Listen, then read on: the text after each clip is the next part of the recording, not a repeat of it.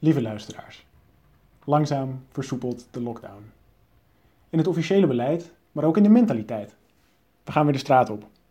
Er is veel gezegd over wat er anders moet na de crisis. Grote verhalen over hoe ons leven moet veranderen. Maar er zijn ook kleine verhalen over kleine verandering. Nu we langzaam bevrijd worden uit onze woonkamers en opnieuw de stad in mogen, kunnen we, als kleine verandering, eens met nieuwe ogen naar de stad kijken. Om ons een beetje meer bewust te worden van hoeveel lelijks daar eigenlijk te zien is.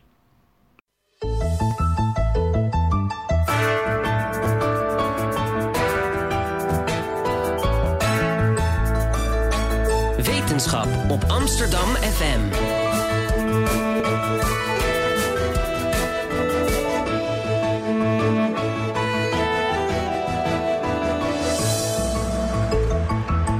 Radio Swammerdam. Ja, een hele goede middag. Dit is Radio Swammerdam. Een uurtje later dan u van ons gewend bent. Vanmorgen was er een prachtig concert gaande in de OBA, dus we hebben het een uurtje uitgesteld. Eh, Radio Zwammerdam is het wekelijkse wetenschapsprogramma op Amsterdam FM, elke zondag van 11 tot 12. Maar we zijn tegenwoordig ook een podcast, dus u kunt ons altijd, waar u maar wilt, luisteren. Mijn naam is Micha Melita en naast mij zit eh, Elmer. Goedemorgen Elmer. Goedemorgen. Hoe lang zijn we nu al een podcast? Eh, sinds november. Oké, en hoe gaat dat? Ehm, ja, eigenlijk best goed. Eh, we hebben nu eh, iets van 180 subscribers en eh, ongeveer 300 eh, eh, luisteraars per uitzending. Dus dat is best goed, aangezien we zo, zo kort bestaan als podcast. Ja, zeker. Dat klinkt heel erg goed. En sinds januari doen we ook iets nieuws bij Radio Zwammerdam. We werken in dossiers. Kan jij uitleggen hoe dat werkt? Ja, ja, het zit zo met de dossiers. We hebben zeg maar zes verschillende dossiers. En eh, daarin doen, eh, doen we zeg maar drie verschillende uitzendingen. En het idee is dan dat we eh, in drie uitzendingen wat dieper ingaan op ieder dossier. ja, zodat we ze wat uitgebreider kunnen behandelen. Ja, precies. En vandaag is de tweede uitzending in het dossier Amsterdam. In de vorige aflevering had Henk het met Gemma Blok en Ton Nabbe over heroïne in Amsterdam. Het was een hele boeiende uitzending. Als u die nog niet heeft geluisterd, luister die vooral terug. Eigenlijk voordat je deze uitzending luistert natuurlijk. Ehm, en vandaag gaan we het hebben over architectuur in Amsterdam. We hebben twee eh, architectuurhistorici aan tafel. En heel bijzonder de stadsdichter van Amsterdam. U bent eh, pas twee weken stadsdichter, geloof ik. Ja, Echt uh, kerstverse stadsdichter Kaas Schippers. Eh, onlangs verscheen van uw hand het boek Niet Verder Vertellen. En dat speelt zich onder andere, andere, onder andere af in de staatsliedenbuurt, begrepen. ja. Ja. En waar komt die fascinatie voor de staatsliedenbuurt vandaan? Eh, nou, mijn moeder was een eh Jordaanese. En eh, iedereen wilde weg, vertelde ze altijd, uit de Jordaan. Omdat je had toen nog geen toiletten daar. De boldoodwagen Ja. kwam langs, er moesten tonnetjes. Iedereen zoop zich een ongeluk, dus je wilde daar weg. Ja, Mijn moeder is van 1902. En toen was die staatsliedenbuurt nieuw. Dat heeft slechte tijden gekend. Ik ken hem heel goed. Nu gaat het wel weer. En ik vond het mooi om een beeld te geven van de stad Amsterdam... waar mijn ouders hadden gewoond. Dus de Van Hogendorpstraat en de Hugo de Groot kade. Ja, en hoe ze daar nou eh, naartoe liepen toen ze net verliefd waren en zo. En eh, mijn hele familie heeft altijd al in de 19e eeuw heel erg gefotografeerd. Dus de foto's uit die tijd spelen er ook een grote rol in. wat mooi. En we gaan straks eh, een paar gedichten van u horen. Ja. Eh, het is nog een verrassing. Wat? Ja. Dus dat is spannend. Ja. Eh, dank u wel. We gaan verder aan tafel hebben we Tim Verlaan. Hij is net begonnen aan de VU. Aanstelling twee weken geleden ben je begonnen, geloof ik. Klopt, ja. En wat eh, ga je doen aan de VU? Want je was eerst aan de UvA verbonden. Nou, aan de VU ben ik universitair docent. Dus ik zal de helft van de tijd onderwijs geven. De andere helft van de tijd ga ik nieuw onderzoek opzetten. Dat zal in het verlengde liggen van mijn proefschrift. En dat ging over stadsvernieuwing in de jaren 60 en 70. Dus ik ben heel blij dat ik eh, meteen door mag aan de universiteit. Ja, zeker. Eh, en daarnaast ben je ook verbonden aan het Instituut voor Field Architecture. Wat houdt dat in? Ja, ik vind het mooi dat je het eh, een instituut noemt. Want het is nog eh, vrij klein eigenlijk. Het zijn een paar jonge, jonge jongens eigenlijk die zich eh, richten op voorbeelden van gefaalde architectuur. Architectuur die mislukt is volgens veel mensen. En wij stellen de vraag waarom is dat dan zo? En ja, onze waardering voor architectuur is natuurlijk context en tijd gebonden. Wat u ook al zei over de staatsliedenbuurt. Die heeft hele slechte tijden gekend, met name in de jaren 80. En Architects is een website en een eh, ja, discussieplatform over architectuur. Oké, en er is natuurlijk ook ja, er is mislukte architectuur, maar ook eh, heel goed gelukte architectuur. Ik vind eigenlijk het gebouw waar we nu zitten en de OBA is nog niet zo oud, zeven jaar oud geloof ik. En ik vind het wel een heel bijzonder gebouw. Wat vind jij van de OBA? Hoe kijk jij daar tegenaan? Ja, het is, het is een heel fijn gebouw. Het is heel eh, open en heel licht, vooral denk ik. Het is mooi dat uh, ja, er gewoon pianogeluid is op de achtergrond. Uh, neemt een beetje afscheid van het klassieke idee van een bibliotheek. En ja, dat vind ik wel prettig. Het is wel vernieuwend. Het is niet zo stoffig en, en rommelig ja. zoals we veel bibliotheken kennen. Dus het is een, een fijn gebouw, vind ik ook, absoluut. Nou, we gaan zo meteen meer over van jou horen. Uh, want verder aan tafel hebben we ook uh, Iris Burgers. Sinds twee weken zijn jullie collega's. Dat klopt. Jij bent ook uh, architectuurhistoricus en je doet al een tijdje, sinds 2006, onderzoek naar Schiphol, naar de Schipholregio. Je schreef, onder in, je schreef het artikel De verbeelding en verbouwing van een luchthavenstad Schiphol's Airport City in architectuur en beeld. Nou, dat is een prachtige titel, vind ik. we gaan het straks over Schiphol hebben. Maar misschien heb jij ook wel een mening over de OBA. Uh, ja, eigenlijk kan ik me heel goed aansluiten bij wat Tim zegt. Het is een heel open gebouw. Uh, het oogt ook vrij vriendelijk, ook als je erin bent. En het is overzichtelijk, wat ik zelf een heel goede functie vind binnen zo'n uh, openbaar gebouw als dit. Dat je goed weet waar je heen kan. Ja. En um, ja, ik, ik, vind het uitzicht waar wij nu naar kunnen kijken ook ontzettend leuk. Ja, dat is natuurlijk ook echt ja. een voordeel aan de OA. De grote ramen. Ik begrijp ook dat het veel, dat doet me altijd wat, dat veel uh, middelbare scholieren daar hier komen werken. Ja. Ja Mijn kleindochter onder hier, andere gaat er thuis, altijd naartoe. Ja. Dus dan moet het wel iets hebben, anders doen ze dat niet. Ja. Het, het, gebruik is toch belangrijk, vind ja, je absoluut. Niet? Voor mijn gevoel of spontaan, is... laat ik het zo zeggen. Dat deden wij niet vroeger. Het is een soort huiskamer. Ja. Je voelt je heel welkom. Ja. Uh, nou, we gaan zo meteen praten met Tim Verlaan over zijn proefschrift en uh, over mislukte architectuur. Maar we gaan eerst even luisteren naar een fragment. Dat gaat over um, een verkiezing van het lelijkste gebouw van Nederland. Uh, dat werd uitgeroepen door de vakblad voor de bouw Cobouw. En uh, in dit fragment hebben ze het over twee Amsterdamse gebouwen. Nou, we gaan even luisteren. In het eerste uur hoorde u verslaggever Joris Kreugel... bij de initiatiefnemer van de verkiezing voor het lelijkste gebouw van Nederland. Joris, net nog in Rotterdam. Uh, inmiddels ben je in de hoofdstad aangekomen? Bij het Centraal Station. En eigenlijk tussen één gebouw dat op de nominatie staat... en één gebouw rechts van mij, dat staat niet op de nominatie. Maar uh, als het aan u had gelegen, Bernard Hulsman... hoe kan ik u eigenlijk het beste omschrijven? Ja, architectuurcriticus uh, voor NRC Handelsblad in dit geval. Maar goed, gaat u even los uh, op dit gebouw van de Kamer van Koophandel... want dit vindt u zo'n beetje het meest... Nou, niet het, wat er ooit is gebouwd. Er zijn wel ergere dingen, maar ja, het is gewoon een, een, een carbonkel, een puist... een, een verschrikkelijk ding dat modieus is, want het dateert uit de jaren 80. Het is helemaal bekleed met van het spiegelglas. Ik vind het verschrikkelijk, ja. Uh, in het vorige uur werd mij gevraagd wat ik het meest lelijke gebouw ja. vond. Dat is het GAK-gebouw in Hilversum tegenover het uh, Centraal Station. Ja, dat, dat is ook, ook uit de jaren 80. Maar wat me opvalt, in de jaren 80 zijn er zoveel van die hele lelijke gebouwen in Nederland neergezet. Ja, dat was toen ook een slechte uh, tijd in de bouw. Het was uh, de vorige crisis in, uh, in de bouw. Voor heel weinig geld gebouwen zijn er toen neergezet. En dat, dat zie je. Dit, is, dit is, is, niet een heel duur gebouw. Dit is eigenlijk ook zo'n gebruiksding waar we nu voor staan. Die Kamer van Koophandel hier. Eigenlijk zou dat je het nu moeten opruimen. Het is afgeschreven. En ik zou zeggen, weg ermee. Hup, de kogel. Ja. ja. hier aan de overkant van het Kamer van Koophandelgebouw... is het Paleis van Justitie in Amsterdam. Dat ligt hier aan het ei. Ja. En dat is een fantastisch gebouw. Maar dat staat wel op de nominatie om uh, als een van de lelijkste gebouwen van Nederland te worden verkozen. Ja, nou ja, ik, ik, uh, ik vind het zeker van binnen een mooi gebouw. En van buiten vind ik het helemaal niet zo lelijk. In ieder geval niet, nee, ik ook zo, niet. zo, lelijk dat het op de nominatielijst staat van de lelijkste gebouwen. Uh, maar ja, dat, dat, dat brengen dit soort prijsvragen met zich mee. Uh, mensen kunnen via internet de nominaties doen. En dan ontstaan er al gauw campagnes uh, tegen bepaalde gebouwen. Dan worden, zie je oproepen verschijnen, voorbij komen van... stem op dit gebouw uh, als lelijkste gebouw van Nederland en zo. En daardoor komen zo dit soort dingen erop. Ja, het gaat nog even door inderdaad over hoe zo'n lijst tot stand komt. Maar ik vond het wel opvallend eigenlijk dat het Paleis van Justitie op die lijst stond. En behoorlijk hoog ook.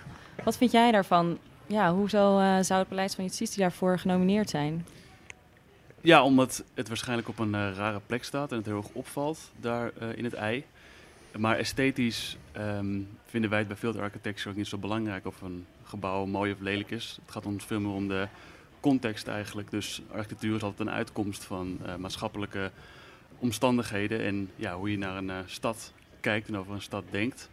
Dus ja, dit gebouw, ja, eigenlijk vind ik het net als Bernd Hulsman wel een prima gebouw. Ook omdat het ja, misschien wel opvalt daar op die plek, maar verder niet echt eh, een stadsbeeld verstoort. Nee. Dat is juist een plek in Amsterdam, zou ik zeggen, waar je misschien wel de hoogte in kan of eh, ja, kan experimenteren. En het is wel een experimenteel gebouw dat ook wel zijn eh, tijd gaat overleven, denk ik.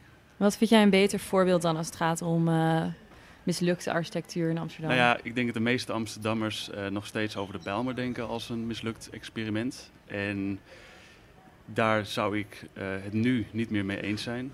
Eh, de Bijlmer die is natuurlijk gebouwd in de jaren 60 als een eh, ja, toevluchtsoord voor Amsterdammers die eh, uit die 19e-eeuwse wijken moesten verdwijnen.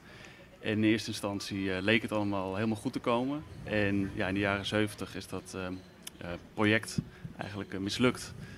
En de reden daarvan was niet dat mensen het lelijk vonden of te, te- te vereenzamend of wat dan ook, al die redenen die worden genoemd. Maar eerder dat mensen in Purmerend gingen wonen of in Hoorn. Maar ja, en liever een iets anders. Een rijtjeshuis wilden. Ja, precies. Dat was eigenlijk het ideaal. En dat haalde de Bijlmer die modernistische ideeën in in die tijd. Nee, dat is dan iets dat we bij Field Architecture zouden kunnen benoemen als een contextgebonden casus. Ja, en misschien ook wel een voorbeeld van field architecture wat weer zijn eigen tijd kan inhalen. Over Ja. tien jaar willen we misschien wel in de Belmer wonen. Nou, dat gebeurt nu al. Die Kleibrugflat bijvoorbeeld, die is helemaal gestript en gerenoveerd. En al die woningen zijn bij mijn weten nu verkocht. En dat Mm. was twintig jaar geleden ondenkbaar. Dus je ziet ook dat elke tijd wat dat betreft eh, haar eigen eh, smaak heeft. Je noemt al even de, de context, eh, dat, dat die belangrijk is. Maar als je dan kijkt naar het centrum van Amsterdam, eh, dat wordt gekenmerkt door allemaal mooie grachtenpanden. Vind je dan dat zo'n paleis van justitie daar, daartussen past? Nou ja, het zou op een grachtengordel ehm, waarschijnlijk niet zo goed passen. Maar ik denk wel dat het een stad spannender maakt als af en toe om een hoek iets anders staat dan nog een grachtenpand. En Amsterdam is natuurlijk wel heel erg eh, lief en mooi. En, en ik vind het ook eh, leuk als je een hoek omgaat en nog opeens een gebouw staat je denkt... Hoe komt het hier? Wat is hier gebeurd in godsnaam? En misschien het meeste Visserplein hier om de hoek is daar een voorbeeld van. Waar die stadsvernieuwing natuurlijk heeft toegeslagen. Als alles popperig is en alles heel mooi is, dan is er ook geen lelijkheid, denk ik uiteindelijk. Dus ja, ik denk dat we ook die gebouwen, weet je wel, de Nederlandse Bank bijvoorbeeld, die wel in die grachtengordel staat, of de ABN en de Vijzelstraat, nu gewoon moeten koesteren. Dus e- eigenlijk hebben, eh, hebben ze elkaar nodig, eh, om het zo maar te zeggen. Ja, als alles eh, schitterend en fantastisch is, dan eh, krijg je een hele saaie stad, denk ik. Ja, zoals in het fragment wordt gezegd, eh, de kogel erin of eh, afbreken, daar ben je het eigenlijk niet mee eens. We moeten dat juist houden. Ja, ik, ik denk dat je zoveel mogelijk moet bewaren. En ik denk niet dat je al die fouten tussen aanhalingstekens uit het verleden moet willen wegpoetsen. Want ja, dat zijn ook gewoon besluiten geweest die eh, min of meer democratisch tot stand zijn gekomen. Dat Ja. geeft gewoon aan hoe je over een stad denkt. En als het allemaal eh grachtengordel of eh 19e eeuw moet zijn, dan ja, krijg je eenheidsworst. Ja, precies. Ja, zo'n ander eh, gehaat gebouw is het PC Hoofdhuis. Daarover eh, stond vandaag een interview met jou in de Folia. En ook een eh, fragment online, wat we ook via de Facebook hebben gedeeld. Eh, en eigenlijk is dat van jou een ode aan het PC Hoofdhuis... wat toch door veel studenten wordt gezien als een van de meest afzichtelijke bouwwerken. Mhm. Eh, kan je uitleggen wat je zo mooi vindt aan het PC Hoofdhuis? Het is eigenlijk net als dit gebouw, als de OBA, heel licht. Dus het is een gebouw wat ontzettend veel daglicht naar binnen brengt. En het mooiste vind ik dat je heel goed de idealen van de architect erin terug ziet komen. Dus geen hiërarchie tussen studenten en docenten. Alles eh, ja, loopt door elkaar en ook de onderwijsvormen waren eigenlijk gericht op samen onderwijs beleven. En aan de VU bijvoorbeeld is het weer heel anders. Daar hebben ze sinds kort eh, studenten en docenten van elkaar gescheiden. En ik denk dat het goed is als je gewoon een student op de gang tegenkomt en een praatje kunt maken. En het PC Hoofdhuis eh, leent zich daar uitstekend voor. Ik heb ook wel eens gehoord dat de VU, dat eh, de hoogte van de lokale, naarmate je hoger in het gebouw komt, steeds kleiner wordt. Dus als je helemaal Ja. bovenaan zit, dan is, is het plafond ineens heel laag. Ja, is dat waar? Ik heb het gebouw niet zo goed gezien van binnen. Nou, dat kan ik niet met zekerheid zeggen. Moet ik toch een keer even de lift nemen in de VU? Ik heb een keer geho- gehoord dat de architect het eh, gedaan heeft om de studenten een eh, nietig eh, gevoel te geven tegenover God. Oké, ja, het is maar dat is misschien een UvA-voordeel. Ik weet Ja. niet. Dat Ik zou hem niet geloven als ik het niet ik vond het ook wel mooi wat je in dat filmpje zei van... eh, ja, de, je, ja, je kan heel erg verdwalen in het PC Hoofdhuis. Maar dat je dat eigenlijk ook wel iets vindt hebben. Ja, ik denk dat het heel goed is voor een student om gewoon af en toe te verdwalen. Dat je te laat komt. Kijk, en- studeren gaat natuurlijk ook om ehm, ja, verdwalen in zekere zin. Je Oh, leest ja. heel veel en je komt van alles tegen, nieuwe inzichten. En het zou me niks verbazen als Theo Bos, de architect, dat ook ehm, ja, bedoeld heeft met dat gebouw. heeft gedaan. Ja, en dan leer je nieuwe mensen kennen en dat gebouw, ja, kijk, als alles gericht is op haast en efficiëntie en niet zo snel mogelijk bij je lokaal moet komen, dan is het een onhandig gebouw. Maar ook dat maakt het leven denk ik een stuk saaier als je altijd maar meteen de weg weet te vinden naar je lokaal. Ja, dus zo maakt PC Hoofdhuis ons leven een beetje spannend. Zeker. En uh, ja, laten we het even hebben over je onderzoek. Modernisering van Nederlandse binnensteden um, tussen 1960 en 1980. Waarom is dat een interessante tijd? Dat is een hele interessante tijd, omdat die binnensteden er toen heel slecht voor stonden. Als je naar Amsterdam kijkt, dan uh, trokken veel mensen uit die binnenstad weg. En tegelijkertijd kreeg je cityvorming. En cityvorming is het proces waarbij ja, kantoren, dienstverleners, hotels eigenlijk de plek innemen van inwoners. En dat zag je in Amsterdam ook gebeuren in die tijd. En de beleidsmakers hebben er toen voor gekozen om ruimte te geven aan dat proces. Dus mensen gingen inderdaad in Hoorn wonen of in Purmerend, misschien te begin nog de Bijlmer. Maar werken bleef ze in de binnenstad doen. Dus die binnensteden, ja, die maakten een ongekend transformatieproces door in die tijd. En wat ik interessant vond is dat daar ook gewoon marktpartijen bij betrokken waren. Dus tot nu toe is het wel bestudeerd, het onderwerp, maar dan vanuit het perspectief van beleidsmakers. En ik wilde weten wat projectontwikkelaars nu eigenlijk met die stad wilden. En ja, bekende namen in Amsterdam zijn Maup Carranza, Nicolaas Bouwers, Bredero. Dat zijn uh, de grote namen die grote plannen hadden voor die stad in die tijd. Ja, en dat waren dus mensen met veel geld uh, die de binnenstad wilden vernieuwen. Ja, dus inderdaad ruimte voor uh, kantoren, ruimte voor hotels. En dat idee, daar zijn we van afgestapt eigenlijk in de jaren 70. Dat ging gepaard met de nodige veldslagen. Hm. Met name in de Nieuwmarkt zijn die uh, bekend geworden. Uh, daar is ontzettend veel protest tegen geweest van buurtbewoners. Ja, want wat was het plan van de Nieuwmarkt? Was die rode loper, toch? Die, Ja, die rode loper, dat is wat ze nu dan gedaan hebben met Damrak en het Rokin. Okay. Maar het was een ander soort rode loper, zou ik zeggen. Dus die metro werd gebouwd. En in die tijd kon je nog niet uh, boren. Dus al die uh, metro-segmenten, die tunnelonderdelen werden afgezonken. En dat betekende dat alles boven de grond werd gesloopt. De Nieuwmarkt was dan gedacht als een ja, moderne hotel- en kantorenwijk. En ja, dat uh, is gelukkig niet gebeurd. Er is sociale woningbouw voor in de plaats gekomen. Waardoor uh, ja, die binnenstad, in ieder geval dat deel, heel erg uh, behouden is gebleven. Ook voor Amsterdammers. Een plek om te wonen en niet alleen ja. om te werken. En hoe is, dat, hoe is dat tegengehouden? Was dat vooral buurtbewoners of was het ook vanuit beleid? Er zijn monumentenbeschermers geweest. Die hebben het Huis de Pinto in eerste instantie bewaard. Uh, dat was heel belangrijk. Uh, dat waren jongeren die gingen kraken in de Nieuwmarktbuurt. Dat was natuurlijk ook een tijd van woningnood. En ja, beleidsmakers inderdaad. Dus die actievoerders kwamen ook in de politiek terecht. En die mm. uh, hebben zich ook politiek geweerd tegen dit soort plannen. Ja, het is eigenlijk inderdaad tegen het grote geld. Het lijkt me niet per se de makkelijkste strijd. Nee, nee, klopt. En die strijd is gewonnen. En nou ja, misschien kunnen we daar nog iets van leren in deze tijd als het gaat om strijd tegen wat er met de binnenstad gebeurt. Ja, ja wat zouden we ervan kunnen leren? Gaat het nu fout? Ja, ik denk wel dat Amsterdam zich net iets te veel overgeeft aan het toerisme. Um, en dat die binnenstad toch wel zwaar te verduren krijgt als plek om te wonen, als plek voor iedereen. Mm. En dat het toch wel ja, iets te hard gaat misschien. En natuurlijk heeft Amsterdam toeristen nodig en zijn toeristen belangrijk. En verdienen Amsterdammers een hoop geld met het ondervuren van een kamer. Maar ik denk beleidsmakers wel mogen zeggen, Rustig aan. kan iets minder. En nu wordt er gedaan alsof het een natuurkracht is die op die binnenstad afkomt, waaraan je wel ruimte moet geven. Maar ja, ik weet niet of dat het geval is. En die verspreiding van toerisme waar nu veel over gesproken wordt, dat is misschien iets wat jou dan wel aanspreekt. Dat ze ook naar de Hallen gaan of zo? Ja, of naar de Belmer. Of, uh... Ja, de Belmer is een, is een goed voorbeeld, maar dat zullen toch wel de meer gespecialiseerde uh, ja. toeristen zijn met een voorliefde voor modernistische architectuur. Ik denk niet dat uh, de gemiddelde Rus de Belmer opzoekt met lijn 54.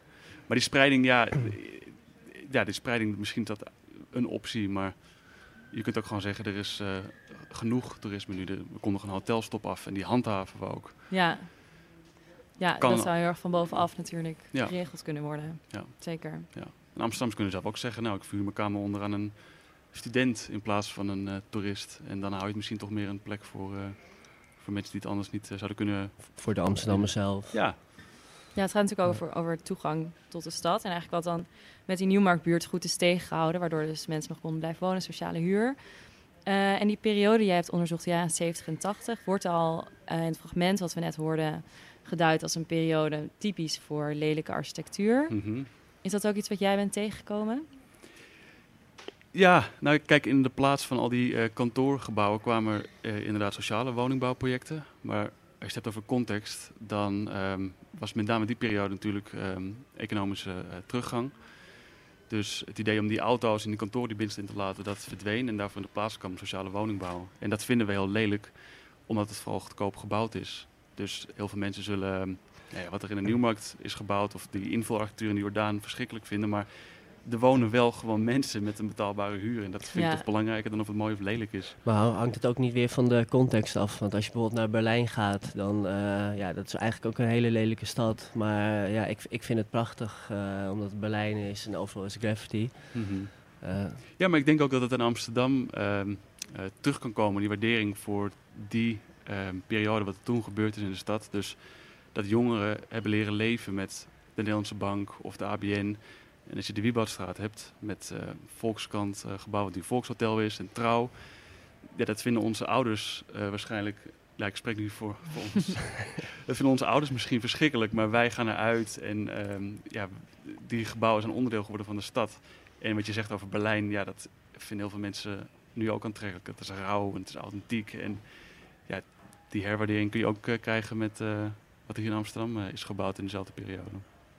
Ja, die esthetiek is natuurlijk ook een vorm van, van afzetten eigenlijk. Dus misschien ook afzetten tegen je ouders. Door dan te zeggen, oh, ik vind de Wieboudstraat super mooi. Ja, het heet volgens mij de, de grootvaderclausule in de architectuurgeschiedenis. Dat wat je opa en oma gebouwd hebben, vind je fantastisch. Maar wat je ouders gedaan hebben, dat vind je heel lelijk, toch? Zoiets.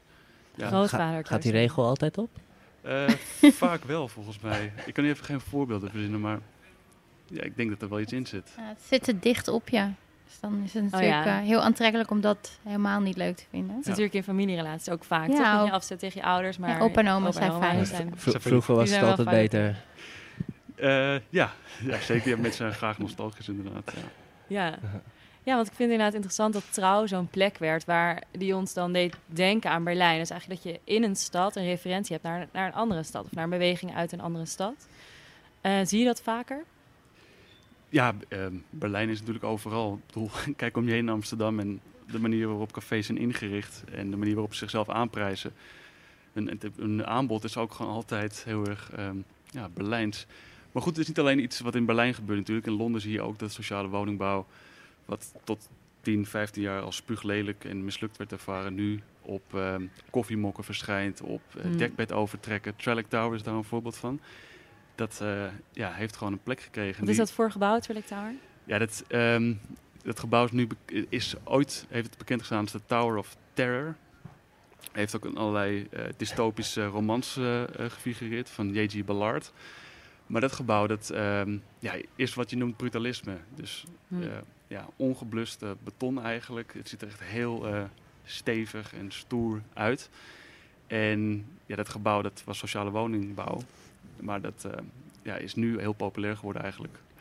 Ehm, omdat je je ermee kunt afzetten inderdaad. Je kunt eh, zeggen van nee, ik kies er gewoon voor om in zo'n tussen aanhalingstekens lelijk gebouw te zitten. En eh, jullie zitten allemaal maar in die eh, Victoriaanse eh, panden. En ehm, ja, dit ben ik. Dit is, dit is iets eh, van mij. Dit is deze flat. Ja, Maar de appartementen doen er nu bijvoorbeeld 7 ton in, in ponden. En dat was sociale huur voor jeetje. een paar honderd pond per maand. Dus Maar dan eigenlijk die opwaardering doet ook af aan de toegang tot, tot de stad, toch? Als Ja. nu voor zeven ton, dan kunnen heel veel mensen dat niet meer eh, betalen. nee, klopt. Dat, en dat, dat is ook echt iets eh, wat nu het grootste probleem is in West-Europese steden, denk ik. Dat het gewoon te duur wordt om eh, centraal te wonen voor heel veel mensen. En ja, ook in de VU merk ik gewoon, als ik aan studenten vraag... waarom woon je niet in Amsterdam? Het is gewoon te duur. Hm. En toen ik in Amsterdam ging studeren, tien jaar geleden nu, ja, was het ook duur. Maar je vond nog wel iets voor een paar honderd euro. En dat is nu echt heel erg moeilijk geworden volgens mij. En ik denk dat het belangrijk is om dat in de gaten te houden. Ja, en een Ja. verantwoordelijkheid van de gemeente wat jou betreft. Ja, en ik denk ook dat Amsterdammers eh, zich daar hard voor kunnen maken. En dat studenten ook wel een verantwoordelijkheid Eh, hebben. Maar is, daar, is daar nog wat tegen te doen? volgens eh, de beleidsmakers ehm, steeds minder. En het is inderdaad heel moeilijk om al die kapitaalstromen die op de stad afkomen... Ja, in goede banen te leiden. Maar ik denk dat als je niet ingrijpt en niet zorgt dat het ja, betaalbaar blijft... Ja, je vraagt inderdaad, kan er iets aan worden gedaan? Nee, daar heb ik geen antwoord op eigenlijk. Ja. Ik weet het niet. Nee. Ehm, ik denk het wel, maar dan moet je toch naar een grotere overheid. En Ja. ja, die wordt alleen maar kleiner in Nederland. Ja, Ja. ja. En ehm, ja, jij bent net begonnen aan de VU. Heb je al plannen voor je nieuwe onderzoek? Ja, dus mijn onderzoek houdt eigenlijk op eh, eind jaren 70. En dat is het moment, met een heel lelijk Nederlands woord, waarop gentrificatie ehm, toeslaat eigenlijk voor het eerst. Dat mensen weer in de Jordaan willen wonen, weer in de statiebuurt willen wonen. Daar zijn, hebben sociologen ook onderzoek naar gedaan, maar ik ben benieuwd naar ja, juist die esthetiek. Dus waarom vinden mensen opeens die 19e eeuwse volkswijken, zoals de Pijp, iets interessants? Waarom Hmm. willen mensen opeens daar gaan wonen? Kun je nog heel even uitleggen wat eh, gentrificatie is? Ja, gentrificatie, eh, heel kort, is het proces waarbij ehm, ja, mensen die het eigenlijk niet eh, kunnen verdienen, eh, ja, uit de stad worden verdreven. Ik kan het wel heel lang uitleggen, maar dat is Ja, het in een, eh, Dat is het in eh, een paar woorden. Nou, dankjewel. Tim Verlaan, we gaan je nog meer horen vandaag ook, want je blijft gewoon aan tafel zitten. En ehm, we gaan zo meteen luisteren naar een paar gedichten van stadsdichter Kaas Schippers. Na het nummer van Simon Garfunkel, So Long Frank Lloyd Wright. Een ode aan de Amerikaanse architect Frank Lloyd Wright, die onder andere het Guggenheim Museum in New York ontwierp, waar hij 16 jaar mee bezig was. Eh, maar het is ook gewoon een mooi zondagmiddagnummer, dus we gaan even luisteren. Frank Lloyd Wright, I can't believe your song is gone so soon.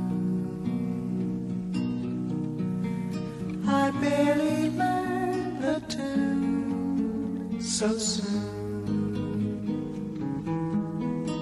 so soon. I remember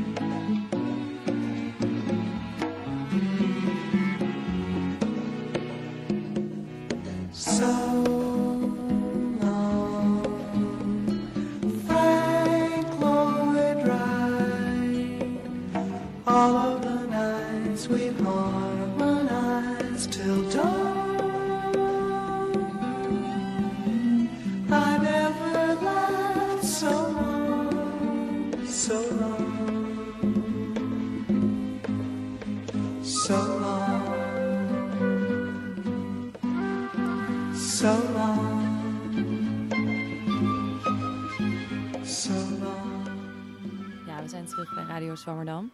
Eh, we luisteren naar Kaas Schippers. U heeft een paar eh, gedichten geselecteerd naar aanleiding van het gesprek met Ja. Tim. Wilt u daar iets over vertellen? Ja, ik wil toch ook iets zeggen. Ik kom zelf uit Amsterdam-West, maar dan ben ik echt geboren. Dat komt dus uit de praktijk. En die huizen zijn uit, 19, eh, uit de jaren 20. Daar is het, dan loopt het volkomen anders dan men heeft verwacht. Bijvoorbeeld, er zijn heel veel winkelhuizen daar gebouwd. Die waren in een jaar of 10, 15. Woonde iedereen gewoon achter vitrage en was dat door supermarkten overgenomen. Dus, en, dat opzicht was volkomen mislukt. Ik vond het ook geen prettige buurt. Aanpalend was eh, de, eh, de wijk in de buurt van de Jan van Galenstraat, waar Van Eesteren eh, als stedenbouwkundige verantwoordelijk voor was. Daar heb ik een, een stuk naar aanleiding van de tentoonstelling in Berlijn over geschreven waar het niet best uitkwam. Toen heeft hij contact met me gezocht. Dus de ste- stedenbouwkundige eh, eh, uit mijn jeugd, die liep met mij in die oude buurten. En dan geeft het natuurlijk verschil tussen Theo van Doesburg van de Stijl. Ik heb nog in een huis van hem gewoond in Meudon. En Van Eesteren, die... eh, Theo van Doesburg is in 31 gestorven. Van Eesteren heeft echt een functie gehad waar hij de principes, de lichte principes van de stijl kon toepassen. Maar had dat uiteindelijk niet gedaan, want hij moest voor een groot publiek werken. Publiek bijna, mensen die het zien. Daar heb ik met hem over gehad. Toen zei hij, ja, als je die opvattingen van de stijl van Van Doesburg gaat doen, dan kom je tot niks. Dat is kunst. Architectuur is geen kunst. Dat is natuurlijk een interessant onderwerp, dat verschil. Bovendien zei hij, lopend in de Elegaststraat, je moest vechten voor iedere vierkante meter zon. Nou, dat er even over. En nu los daarvan een paar gedichten. Ik ben natuurlijk geen criticus in de gedichten. Ik kan alleen maar pro- proberen, eh, naar aanleiding van iets wat is gebeurd, een beeld te geven van een eh, wijk. En ik wil dat doen van de Bijlmermeer, omdat eh, mij toen werd gevraagd als dichter, niet als stadsdichter, maar lang daarvoor, een tekst te maken. Voor het monument, bij de boom die alles heeft gezien. Die tekst is er ook. Maar ik vond het. ik dacht om daar nou een gedicht over te gaan schrijven. Sentiment kruipt erin. En daar op de grond eh, heeft Akkelei Hertzberger, de, dokter, eh, de dochter van de architect Hertzberger, allemaal mozaïeken gemaakt met, van mensen daar. En die had, zag ik, de overlevenden eh, laten spreken over die buurt. En toen heb ik als een ready-made, het is 100 jaar bestaat een ready-made, à la Duchamp, er zit er geen regel van mij bij, maar heb ik dat, die, die tekst bestaat uit wat de bewoners hebben gezegd. En daar zou ik nu, het is wat lang niet helemaal lezen, maar goed. In die tegel zit een vriend van mij. In mijn tegel zit een blauwe tranenrij. Steeds wordt het door een ander gezegd. Hè? Was naar de avondsuper om brood te kopen en rende naar buiten. Rood voor bloed, zwart voor leed, oranje voor het vuur. Heb de hele dag in de flat er tegenover staan behangen. Een hart met een traan erin. Het vliegtuig kwam recht op mij af, maar het was mijn tijd nog niet. Mijn nicht zou eigenlijk verkering met hem hebben gehad. Daar was een zwarte wolk met sterren erin. Een tegel voor jou met een voetbal waar je zo gek op was. Wit als het as dat overbleef van de flats. Vlag van Aruba, ster van vier windstreken. Iedereen van de hele wereld in de Bijlmer. Paar stukjes van de echte boeing heb ik opgeraapt. Blauw serviesgoed van mensen die aan tafel zaten te eten. Stond voor het raam en zie mensen als fakkels rondlopen. In die tegel zit een vriend van mij en ik zal hem nooit en nooit vergeten met 800 tranen. El al im kor halef. Ik heb je nog zoveel te vertellen met een schelpje van de kust van Sumatra. 4 oktober 1992, half zeven, is het gebeurd. Popje gemaakt met ogen en haren en neus en mond. En er zit drie kopjes cement en een kopje zand en een kopje water. Veel stukjes spiegel zie je je eigen gezicht helemaal misvormd en gebroken. Jus casque sur la, je ne sais pas mon ami mort, encore en vie. Heb ik de kleuren van Afrika gekozen. Mijn vriendin in het vuur met haar honden, in het hart een krokritje, klein en rood als een druppel bloed. Zag ik haar een week voor de ramp nog spelen. Heb ik een tegel gemaakt omdat mijn vriendje is doodgegaan. Heb ik vuur aan de andere kant. Zijn naam is nergens zichtbaar. Heb ik een Egyptisch levenskruis gemaakt. Tegel met een asbak erin. Omdat er was zo vreselijk veel rookte samen. Deze bloem gaat niet dood, alle anderen wel. Heb ik een groot oog van verdriet gemaakt. Toen het nacht was, kwam de maan. Ik heb het toch in zijn geheel gelezen. Nou, dat zijn de bewoners van wat er gebeurde. Een hele praktische vraag zou je meteen kunnen stellen. Wordt er met die bouw rekening gehouden met de banen van een vliegverkeer boven eh, de stad? Ja, prachtig. Gaat dat zo? Overlegt men daarover? Nee, want dan zouden ze ervan uitgaan ja, dat er nog een keer eh, zoiets gebeurt. Ik vind het wel een lugubere brug naar het eh, volgende Ja, onderwerp. het volgende onderwerp inderdaad. Dat is? We hebben het zo meteen over Schiphol met Iris Burgers. Oh, nou ja, Ja, dat dat kan toch niet mooier eigenlijk. maar eh, bedankt voor een hele mooie ja. tekst. Wat is jullie reactie op eh, de tekst van eh Kaasrippers? Ehm, ja, ik vind het eh, een hele mooie reflectie op wat eigenlijk... We hebben het over stadsarchitectuur. Ja. De stadsarchitectuur faciliteert het leven, zeg maar, voor een deel. En dat Ja. is dit helaas eh, met zo'n ongeluk zijn dit de scherven daarvan. Dat vind ik heel mooi.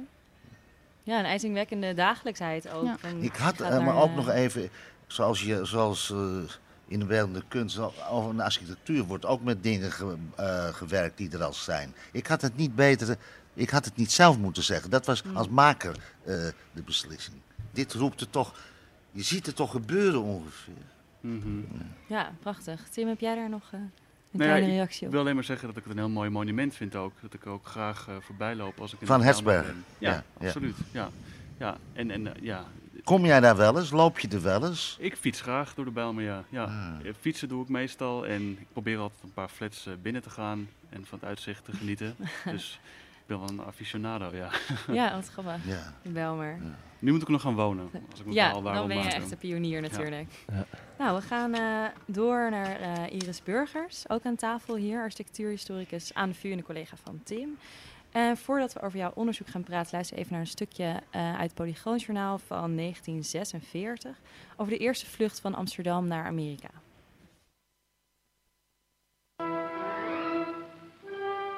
In het jaar 1609 werd voor de eerste maal een tocht van Holland naar Amerika volbracht. Na een gevaarvolle reis van vijf maanden wierp de halve maan haar ankers uit in de monding van de Hudson. Na enige jaren ontstond hier de Hollandse kolonie Nieuw-Amsterdam. Ruim 300 jaar later opent de KLM een geregelde dienst tussen ons land en Amerika. Van Schiphol vertrekt de Rotterdam voor de eerste vlucht.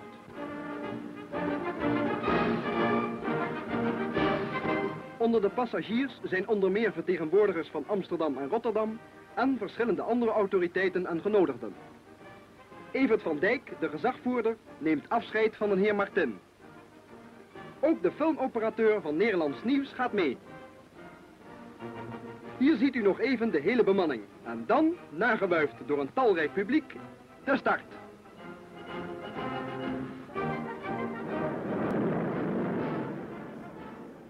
Nou, daar gaat het eh, vliegtuig. Op het filmpje zie je ook eh, eh, dat het vliegtuig wordt uitgewuifd door een hele grote groep mensen. Schiphol is nog een soort grasveld eigenlijk. En in de cockpit rookt de piloot vrolijk een sigaar. En zit, het helemaal vol met rook. Vond ik eigenlijk wel mooi om te zien. Zo'n ander tijdsbeeld. Ehm, Iris, jij hebt voor je onderzoek ook veel beelden van het Polygoonjournaal bekeken en gebruikt. Kun je daar iets over vertellen? Eh, ja, Polygoonjournaal is wel een eh, hele mooie registratie van hoe ehm, nieuws eigenlijk eh, voor het eerst visueel ge- geproduceerd werd voor een groot publiek. En ehm, het, het biedt een hele grote diversiteit aan onderwerpen als je Polygoon vanaf 1920 bekijkt tot en met eind jaren 80. En Schiphol komt als onderwerp regelmatig voor in de hele collectie. Oké, wat grappig. Ja, en het is ehm, elke keer als er wat spannends gebeurt op de luchthaven. En in die tijd was Schiphol echt een spannende omgeving voor iedereen. Vliegen was een eh, heel interessant fenomeen. Ehm, ja, dan was daar wel weer een polygoon-item over. Dus eh, ja, dat, Die en- lijntjes waren kort. zeg ja, heel kort, zeker. Polygoon werd ook echt eh, uitgenodigd door de luchthaven van... we hebben weer wat, kom maar eens kijken. Ja. En ehm, het leuke was in dit filmpje, dat hoorde je ook even... wordt ook de bemanning even laten zien. En dat is ook de, die piloten uit die tijd en die bemanning... die hadden heel lang een eh, bepaalde heldenstatus. En dat is zeker in 46 ook nog wel. En dat die zo echt in beeld kwamen ehm, en vaak... eh, werd dus daardoor uiteindelijk ook heel herkenbaar. Dus veel Nederlanders die Polygoon regelmatig zagen... kenden ook echt pilotennamen. als Oké, eh, ja. dat waren echt een soort eh, stadshelden. Ja. Want vliegen was natuurlijk zeker jaren twintig, maar ook nu nog, nou ja, van, het, van de tijd van het fragment nog iets heel eh, spannends, maar ook niet voor iedereen weggelegd, kan ik me voorstellen. Nee, nee, absoluut niet. En dat maakt Schiphol als ehm, studieobject, als architectuurhistoricus ook heel interessant. Uh, want waar we nou net over hadden met Tim, is dat eigenlijk stadsarchitectuur is iets wat voor ja, de stad en voor mensen in de stad vaak is. En uh, Schiphol ligt net iets buiten de stad en lag toen in een heel landelijk gebied.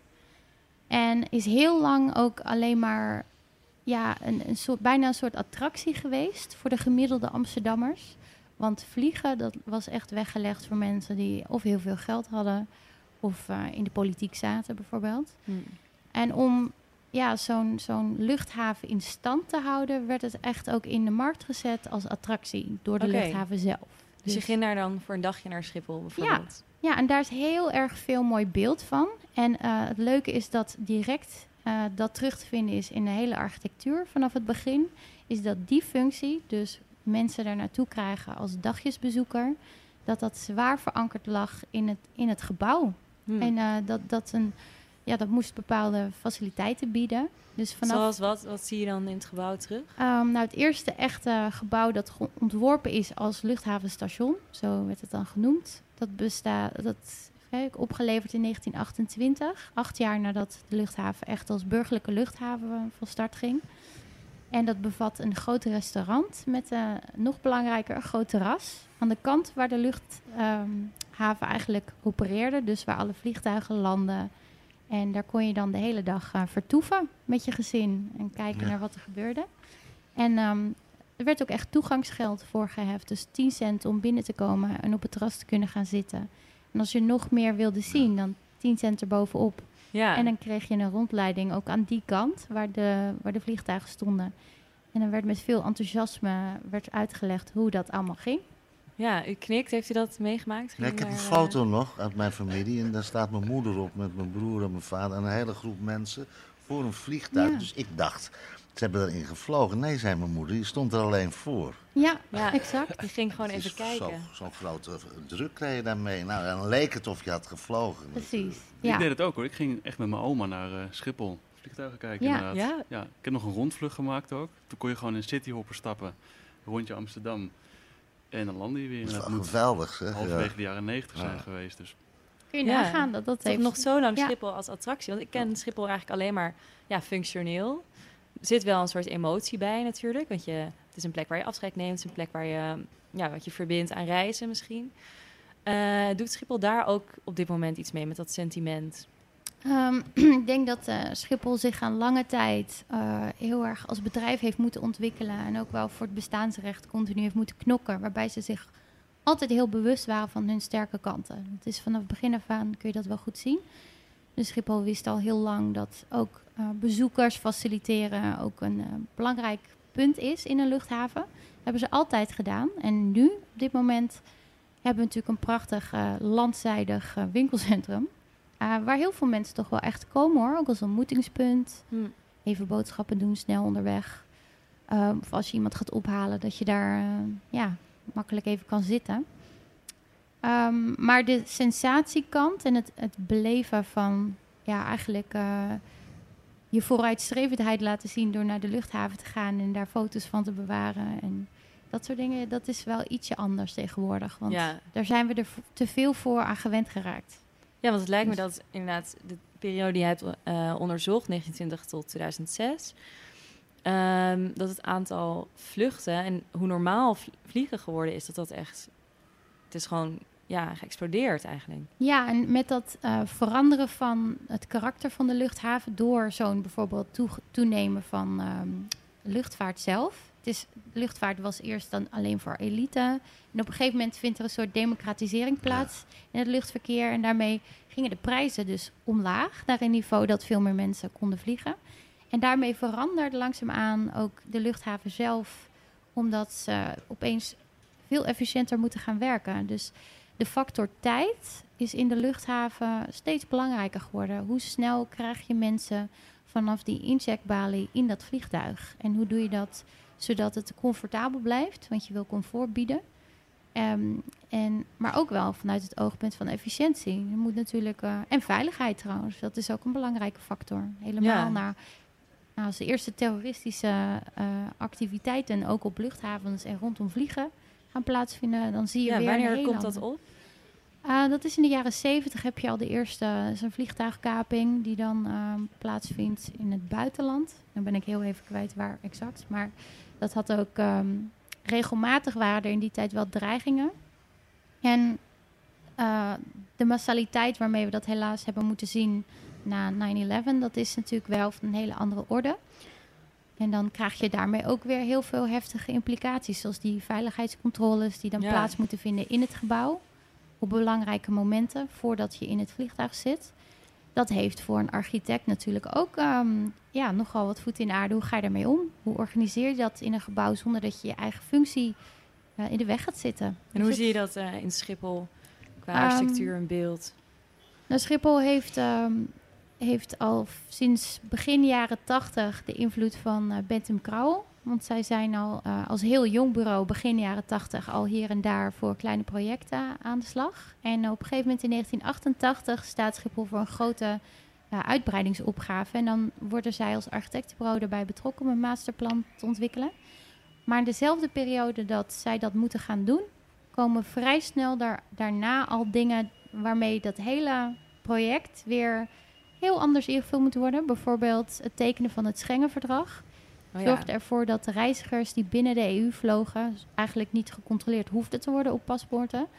Maar hoe ga je dan om en hoe scheid je reizigers die dat wel moeten van de reizigers die dat niet moeten? En dan krijg je dus letterlijk in het gebouw een filter. Ja. En dat is Ja. heel slim opgelost door uh, Bentham Crowell door twee lagen te gebruiken en een aparte pier. Dus als jij eh, Schengen vliegt, dus naar een land waarbij dat geldt, dan zit je altijd in de Schengenpier. Dan zit je sowieso niet in de rest. Je kan ook niet meer door het gebouw lopen onbelemmerd. Dan, dan houdt het ergens op. En dat, eh, ja, misschien als je dat aan Jan Bent vraagt of hij dat jammer vindt, misschien wel. Want het leuke is natuurlijk wel van als je gaat vliegen en je hebt een beetje tijd, dat je ook in zo'n luchthaven ja, een beetje kan verkennen. Ja, Wat is hier precies. allemaal? Een beetje ter voorbereiding van je vlucht al zo eens lekker naar buiten kan kijken naar die eh, vliegtuigen. Maar ja, vanaf de Schengenpier is je bewegingsmogelijkheid iets, iets beknot. Ja, maar het Ja. idee is ook dat je natuurlijk dan snel je vlucht kan halen. Ja, Dat exact. je misschien minder eh, tijd neemt. Iets anders wat ik interessant vond, eh, en waar ook een stukje Polygoonjournaal over was, het parkeerprobleem rond Schiphol. Dat speelde al in de jaren 60. Ehm, ja, hoe ging Schiphol daarmee om? Hoe zie je dat ver- veranderen door de tijd heen? Ja, ehm, op een gegeven moment als ja, auto's meer en meer eh, ja, opkomen, zeg maar, dat meer, ook meer mensen daarvoor eh, geld hebben, dan gaat dat heel snel eh, een probleem eh, opleveren. Want de parkeerplekken die vroeger nodig waren, dat was echt handjevol. En dat gaat ineens, wordt dat heel veel meer. En voor een luchthaven is het eigenlijk heel. ehm, je wil zo min mogelijk de weg naar de luchthaven toe verstoppen of dichtstoppen. Dus je wil zoveel mogelijk ruimte hebben en wegen die daar naartoe leiden zonder dat je moeite hebt om er te komen. En eigenlijk is parkeren is wel een beetje een obstakel. Hè? Dan verzamel je Ja. op één eh, stuk grond weer heel veel van die statische objecten. Ehm, maar Schiphol wist wel dat ze daar snel iets aan moesten doen. Eh, maar je ziet dat zeker in het begin, eh, dat gewoon ja, simpele oplossing is. Het is gewoon echt letterlijk een veld waar je op kan parkeren, wat dan bestraat is. Eh, en de komst van parkeermeters op de luchthaven, dat was echt eh, schrikken. Oh ja. dus daar, daar gaat ook een polygoonfilmpje over. Dat men gewaarschuwd wordt dat als je er parkeert, dat je opeens moet betalen. Oei. En dat wordt heel leuk gedemonstreerd in het polygoonfilmpje. Dus het- dat laat ook het karakter van polygoon goed zien. Dat het vaak ook eh, ter lering en vermaak was. Een soort van opvoedkundig parkeerfilmpje. Ja, wat grappig inderdaad. Ze laten heel erg zien van je gooit hier het muntje Ja, in of zo. exact. Ja. Ja. En eh, wat is de connectie tussen eh, Amsterdam en Schiphol? Amsterdam is nog steeds eh, een van de grootste aandeelhouders, geloof ik, in Schiphol. Ja, Hoe heeft zich dat ontwikkeld in die tijd? Ehm, Schiphol is echt begonnen als een gemeentelijke dienst. Dus in 1920 ehm, was het echt van de gemeente. Het heette ook gemeente luchthaven Schiphol. En alles wat van de luchthaven, ja, wat daaraan gedaan moest worden, moest via de filter van de gemeente heen. En ja, dat, dat functioneert eh, prima hoor. Ik bedoel, dat, daar wordt gewoon eh, alles wat verbouwd moet worden, wordt verbouwd en het gebeurt allemaal.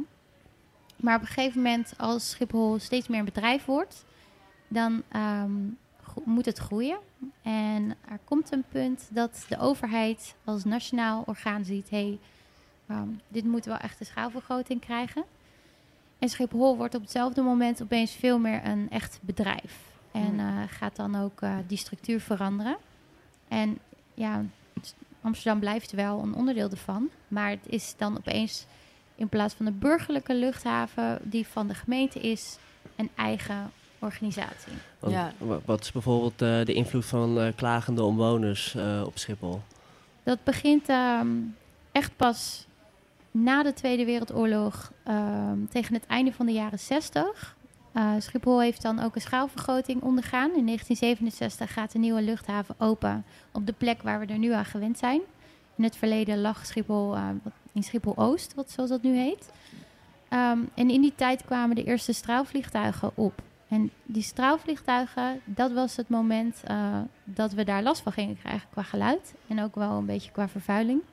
En de eerste brieven van de klagers kun je vinden in het stadsarchief, in het Schipholarchief. En die zijn eh, heel mooi geschreven brieven. Zijn dat die de burgemeester verzoeken om zelf eens te komen luisteren bij eh, iemand thuis. Oh ja. Omdat het echt eh, niet aan te horen is. En iemand klaagt van ik kan mijn, eh, ik kan mijn ramen niet meer openzetten. Want, want hoe, gaat een, eh, hoe gaat Schiphol daarmee om? Want aan de ene kant willen ze heel erg uitbreiden eh, en moet dat de komende jaren ook. En aan de andere kant komen ze steeds dichter bij de stad Amsterdam en vliegen ze ste- steeds meer laag, lager over. Ja, nou Schiphol zelf is, is echt al heel er vroeger bij om de gemeente daarvoor te waarschuwen. Eh, daar heb je ook een officiële brief van, dat Schiphol uitlegt. Hè, we, we zijn al sinds eind eh, jaren 40 mogen wij uitbreiden. Dat is een besluit wat in 1948 is genomen. Dat Schiphol de centrale luchthaven van Nederland wordt. En niet alleen wederop gebouwd wordt, maar totaal uitgebreid. En die uitbreiding is in 67 klaar. En die plannen die de luchthaven heeft, ehm, daar, daar zijn ze ook continu, hè, wordt het dat gepresenteerd. Tegelijkertijd is de gemeente Amsterdam bezig met uitbreiden. En Schiphol waarschuwt Amsterdam dan voor pas op, want dit gaat samen niet heel goed eh, mixen. Komen te dicht bij elkaar. En met name bijvoorbeeld buiten Veldert. Ehm, maar ja, het is een soort padafhankelijkheid die zich dan laat zien. Schiphol is al te lang onderweg. Dat, dat ehm, belang is, weegt te zwaar. Amsterdam moet uitbreiden, want ze moeten ook al hè, zelf ook kunnen groeien. Ook daarvan ligt er al te veel, eh, is al te veel besloten en men gaat gewoon door. Ja, precies. Dus daar, het lukt ze eigenlijk niet om daarmee te stoppen. Of ze vinden het op dat moment niet belangrijk genoeg. Ja, nou, je kan het ook neutraler zien. Je kan dit zien als een gevolg van een, een keus die in 1949 is gemaakt. Eh, dit zijn de consequenties van het hebben van een eh, zogenaamde centrale luchthaven in Nederland. Ja. En dat we daarmee le- leren leven. Want je kan ook, eh, als je dit vergelijkt met een buitenlandse situatie, bijvoorbeeld eh, je komt in New York en je landt op JFK of eh, in Queens en je rijdt vanuit Queens de stad in. Die luchthaven ligt midden ook tussen woningen. Ja. En ik heb het idee dat wij in Nederland ehm, ja, wat, wat meer klagen. Of, ja, Misschien meer een klaagcultuur. ja, anders toch. Ik heb wel eens gevraagd in New York van ja, hoe, hoe beleven jullie dat? Wordt daar veel over geklaagd? Nou, dan zeggen ze ja, dan moet je daar niet gaan wonen. Ja, ja, dat is natuurlijk ook eh, op zich een goed argument. Ja, ik hou me daarvan. eh, ik, ik wil niet zeggen of ik het een goed argument vind, maar ik denk het is gewoon echt wel een gevolg van beslissingen die eh, door veel partijen zijn genomen. En gewoon al we- echt men lang wist geleden. echt wel richting ja, dat het een probleem kon worden, maar ging gewoon Ja. door. En de meer moderne branding eigenlijk van Schiphol is eh, Schiphol Airport City. waarin het eigenlijk, zich eigenlijk presenteert als een soort op zichzelf staande stad of dorp. Mhm. Dat vond ik eigenlijk wel opvallend, want er, er woont helemaal niemand in Schiphol. Terwijl dat zou je toch denken dat dat cruciaal is voor het zijn van een stad. Nou, er woont niemand en er wonen tegelijkertijd wel allemaal eh, mensen. Want eh, je hebt daar toch, eh, op Schiphol zit ook een hotel. Dat is één.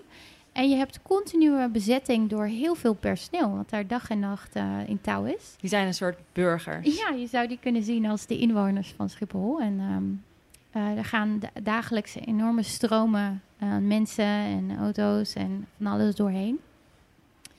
Dus dat het een, eh, op grote schaal functioneert eh, met stedelijke trekken, dat kun je wel zeggen. Ehm, en, en daar kun je tegelijkertijd ook weer genoeg argumenten voor vinden waarmee het een beetje kan afzwakken hoor. Want ja, het, het idee wat van een Airport City was naar als branding heel erg dat je daar 24 uur per dag spannende dingen kan beleven. En eh, weet uit ervaring dat na 11 uur is het wel een beetje gedaan. Hoor. dus ja, het, het, het, het is natuurlijk wel een ambitie. Ja, eh, precies. die, zo kun je het lezen. En een ja, marketing-idee. Ja, ja. En eh nou, dankjewel voor dit gesprek. Heel verhelderend. Interessant om zo te kijken naar eh, die 100 jaar Schiphol. Ehm, jouw proefschrift, wanneer heb je dat af? Bedankt voor die vraag. ik, eh, mijn, mijn streven is om dit jaar eh, het helemaal af te ronden. Oké. Nou, We zijn Succes. benieuwd. Ja, Succes dankjewel. daarmee nog even, inderdaad. Eh, nog even kort terug naar Tim. Ehm, Schiphol, zou dat in aanmerking komen voor het label Field Architecture? Ehm goeie vraag. Ik denk het niet. Ik denk dat Schiphol eigenlijk heel goed eh, en efficiënt werkt. En dat het een van de weinige plekken is in Nederland waar je wel trots kunt zijn op hoe Nederlanders dat infrastructureel aanpakken. Wat mij betreft heb je de Maasvlakte, Deltawerken en Schiphol. In de Flevoland misschien. En dat kunnen we. En dat is wel iets waar je trots op mag zijn. En als ik op Schiphol kom, denk ik altijd: dit werkt gewoon. Dit is gewoon Ja. fantastisch. Ehm, ja, er zitten heel veel eh, goede eh, elementen in, denk ik. En ik vind het ook echt esthetisch gezien een mooi gebouw van buiten om te zien. Dat zwarte eh, van ehm eh, Bentham en Crowell. Ja, en wat ik me wel afvraag, als je toch wel veel architects hebt... Ik heb wel eens gehoord dat ze de plantenbakken voortdurend verschuiven om lekkages te voorkomen. Dus je denkt vaak, oh, dit is mooi gedaan, die plantenbakken hier. Maar eigenlijk is het alleen maar om nou ja, lekkages van boven te voorkomen. Is dat, is dat waar? Oh, wat grappig. Dus dan die plantenbakken vangen de lekkages op. Ja. Ehm, soms. maar ze hebben ook wel meerdere functies hoor. Soms eh, die worden dat soort objecten ook gebruikt om de flow eh, te veranderen. Dus het, het is alles wat je op Schiphol ziet. En daar heeft Tim wel echt een goed punt. Er daar is super over nagedacht. Dus zelfs tot waar de plantenbakken staan en de prullenbakken en hoe hoog een prullenbak moet zijn. Alles is doordacht. Oh, wauw. Ja. Ja, wat grappig van die plantenbakken inderdaad. Want ik denk vaak dat geeft inderdaad een, eh, een huiselijke sfeer. Maar nou, de volgende keer dat we op Schiphol zijn, dan Even naar het eh, plafond moet kijken. je even naar het plafond En kijken. naar de Inderdaad, of er hoogte van de lekkages zijn. prullenbakken. En inderdaad, de hoogte van de prullenbakken. Hoe gemakkelijk je iets in de prullenbak kunt gooien. Nou, dank jullie wel. We zijn weer rond. Dit was de tweede aflevering in ons dossier Amsterdam. Heb je de vorige gemist? Luister je dan alsnog even terug. We hadden het vandaag over stadsarchitectuur met Tim Verlaan. Hij vertelde over de stadsvernieuwing in de jaren 70 en 80. Iris Burger zat aan tafel. Zij vertelde over de Schiphol-regio. En eh Kaas Schippers hadden we vandaag in de uitzending. Kerstverse stadsdichter van Amsterdam. En hij las een prachtige tekst voor die hij schreef naar aanleiding eh, van de Belmerramp. Ik hoop dat u met plezier geluisterd heeft. Volgende week zijn we er weer met een uitzending over eh, cookies en alternatieven voor sociale media. Dus dat eh, belooft eh, zeker een leuke uitzending te worden. Mijn naam is Bicham Minita. Ik zat hier samen met Elmer Rikhoff en Lieve Heremans deze techniek. Mocht u meer van ons willen weten, meer luisteren, dan kunt u ons vinden op Facebook, Twitter, maar ook in de iTunes Store en in Stitcher. Of typt u anders gewoon een keer Radio Zwammerdam met een S in op Google en kijk wat er gebeurt. Tot volgende week.